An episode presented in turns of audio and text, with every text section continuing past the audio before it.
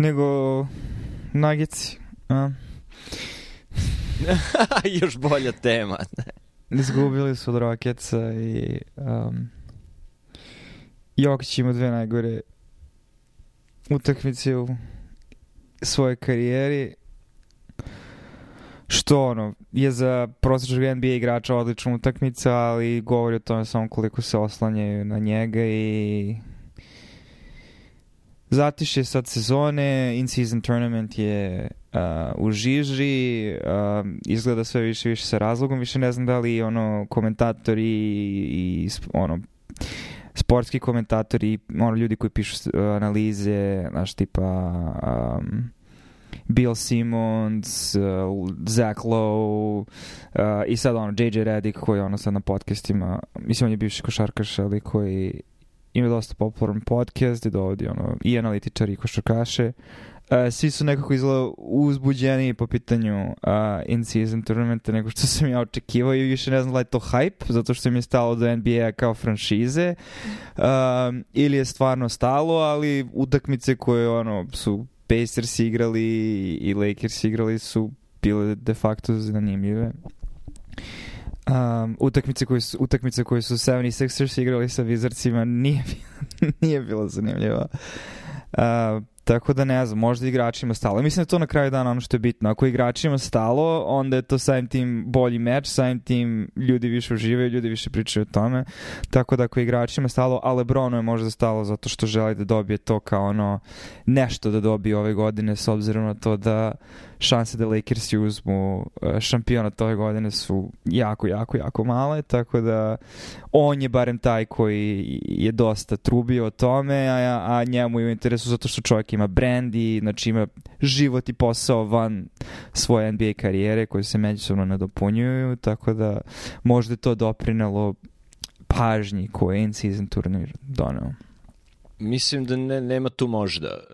Sigurno, o, ovako ide sled, sled događaja i kome šta stalo. Verovatno jedina osoba koja je stalo da in-season tournament uspe je Adam Silver. on je, njemu je stalo, njemu je stvarno sad stalo. Instant German mora da uspe, to je njegova ideja.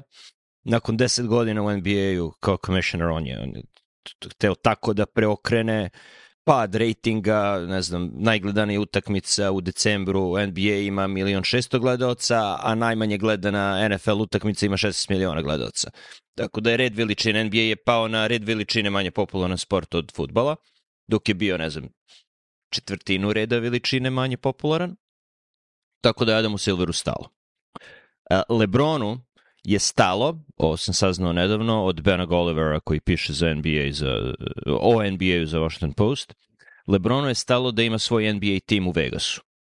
Znači, njemu, njemu je plan da ima frančizu kada se penzioniše, a penzija se bliži, plan mu je da bude vlasnik NBA tima sa sedištem u Vegasu.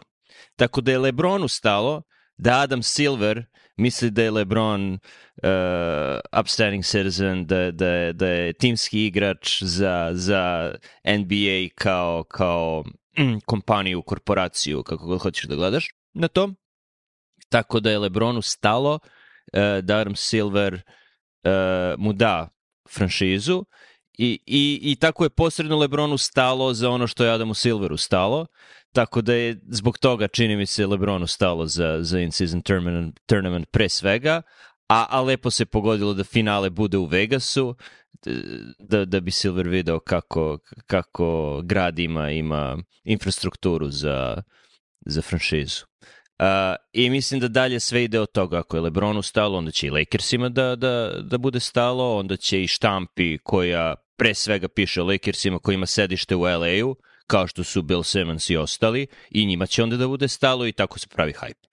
Tako da, ono, eh, gomila ljudi sad ima svoje mišljenje u in-season tournamentu zbog interakcije dva čoveka i onoga eh, šta, šta su njihovi interesi i ono kad, kad se udaljiš da vidiš koliko stvari o kojima mi imamo mišljenje, da li imamo to mišljenje zato što ga stvarno imamo ili zato što je to posljedica uh, interesa dve, tri ili pet osoba koje, koje tu nešto rade.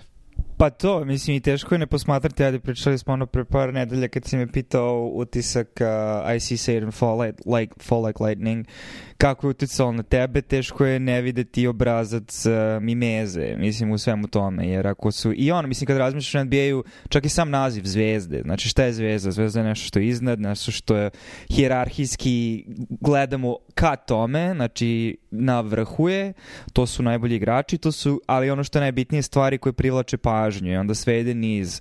Tako da gde se zvezde kreću, tu ih ljudi prate, gde se zvezde skupljaju, tu je veća pažnja, gde je veća pažnja, tu je veća vrednost i onda imaš gomile postice koji se tu e, skupljaju, uključujući znači, NBA kao asocijacije da priloči pažnju gledalaca, jer onda u kapitalističkom društvu pažnja je novac, tako da ovaj, sve se međusobno sklapa. Tako da da, ako je Lebronu stalo, onda postoje čito ono niz stvari koje se dešava u toj hirarhiji pažnje koje onda utiče na to da je taj događaj mnogo bitniji nego što bi možda i bio i onda na kraju se ispostavi da je i bio bitniji zato što je dovoljno pažnje privučeno i sam tim znaš, zvuči kao ono uh, sa, samo perpetuirajuća uh, uh, samo perpetuirajući obrazac ne, ne znam kako da nazovem um, koji onda se ispostavi da će ljudi istoristiti. Naravno, sad postoji zadrška da ne želim da budem potpunosti ciničan, jer ono, ni ti ni ja nismo pratili redovno NBA sezonu u godinama pre ove, tako da ne znam koliki je LOL uh,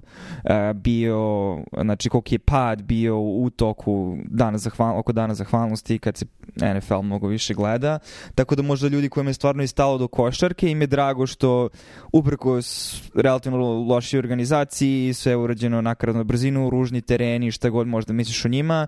Ljudi pričaju o tome, privuklo je pažnju i ružni tereni su privukli pažnju i negativna pažnja je pažnja i ljudi pišu o tome i onda ljudima drago što ljudi prate košarku u tom periodu i igraju se bolje i zanimljivije utakmice jer ono, znači sad su Lakers igrali s Pacersima i sad je ono, a Halliburton koji je ono up and coming, znaš, i to je sad, ali nevjerojatno koliko mi NBA aplikacija sad ono stalno šalje, ja mislim da dobio pet notifikacija o tome šta Halliburtonov tata misli o njemu i koji izjavi on da majka, ok, ajde, malo, malo preterujete, mislim, baš me briga što njegov čale misli, ali govorite o tome kako da, to jeste biznis na kraju dana i, i zanimljivo je taj splet između objektivne stvarnosti, u smislu najbolji tim pobedi i to je cilj i svrha svega, ne bi bilo dobro da je drugačije, onda ljudi ne bi želeli da gleda, to je lepota sporta, ali sa druge strane onda imaš čitu mašineriju stvari koje pumpaju narative i priče koje opet na nekom nivou modifikuju kako ljudi percipiraju stvari, a onda i situaciju na terenu, jer to utiče na to kako se ostali ljudi ponašaju. Ali da, Lakersi su uzeli. Um, pitanje onda za tebe, mislim, jer bilo ono, što sam barem čuo priče, da ono će potencijalno proširivati franšizu, znači dodaće možda još jedan, dva tima, ali da je taj prozor sad u naredne dve godine, što onda znači da Lebron bi morao da se penzioniše, ako želiš da pređeš iz igrača u vlasnika tima, znači ne možeš to da uradiš u roku od manje 12 meseci. Ako će novi tim da izađe 2025. to znači da li je ovo poslednja Lebronova sezona, da li sledeća godina poslednja Lebronova sezona. Da li će biti pametniji od Federera recimo da, da, da se penzioniše na vrhuncu dok je i dalje u GOAT debati, jer koliko, jer mislim da NBA, ne znam, to je sad ono, teško je praviti paralele, ali mnogo si više zavisan i od drugih ljudi i onda znaš, verovatnoća da nešto postigneš s obzirom da više promenljivih se smanjuje zato što nisi u potpunosti, ne možeš da računaš samo na sebe, nego i tim za koji igraš i tako dalje. Ali dovodim u pitanje Lebronovu inteligenciju ako mu je san da, da bude vlasnik NBA tima, jer po onome što sam video, niko ne zarađuje na tome. Sve su to nezavisno bogati ljudi koji novac zarađuju drugim putem, a NBA tim imaju radi prestiža pre nego zarade od karata i, i prava za TV prenose gde, gde gube pare. A... Pa dobro, ali Reblon će zarađivati od brand dealova koje će imati time što privlači pažnju, time što je vlasnik tima, a ne od samog tima. To je, mm, mislim, ono... Mm, ne, ne, opet dovodim u pitanje inteligenciju toga. Ne, ne znam, možda, možda investira u neke druge kompanije, možda će nekako drugačije da zarađuje, ali ako zarađuješ od svog bre, brenda, uh, i, i to je, mislim, moda se menja, stilovi se menjaju, e, količina para na koju možeš da računaš iz godine u godinu se menja, naročito ako ti je ono, zvezda na zalasku i, i ne znaš da li ćeš zarađivati. Ne, možda, možda gleda Jordana kao paralelu, gde on i dalje zarađuje na svojim patikama kako god, ali uh, deca nose Air Jordans iako ne znaju ko je, ko je Michael Jordan. Mislim da, ne znam, Air LeBrons ili kako god mu se zove marka, mislim da, da nisu još dostigle taj nivo popularnosti, a ako se penzioniše, da li će ikada i dostići? Mislim, ko će da kupuje te patike? Ostareli millennialsi koji, koji pamte Lebrona? Ko? Da, teško je, mislim, ono, kako vreme prolazi, Panteon je sve gušće naseljen i onda sve više debate ima povodom toga ko, je, ko treba da bude na vrhu tog Panteona. Tako da, za neke ljude, o, oni na Lebrona gledaju kao najboljeg igrača, um, u istoriji franšize, ali postoji već sada mnogo opravdanih mišljenja na temu da to nije tačno, tako da kako vreme prolazi sve će teže biti praviti taj argument. Tako da...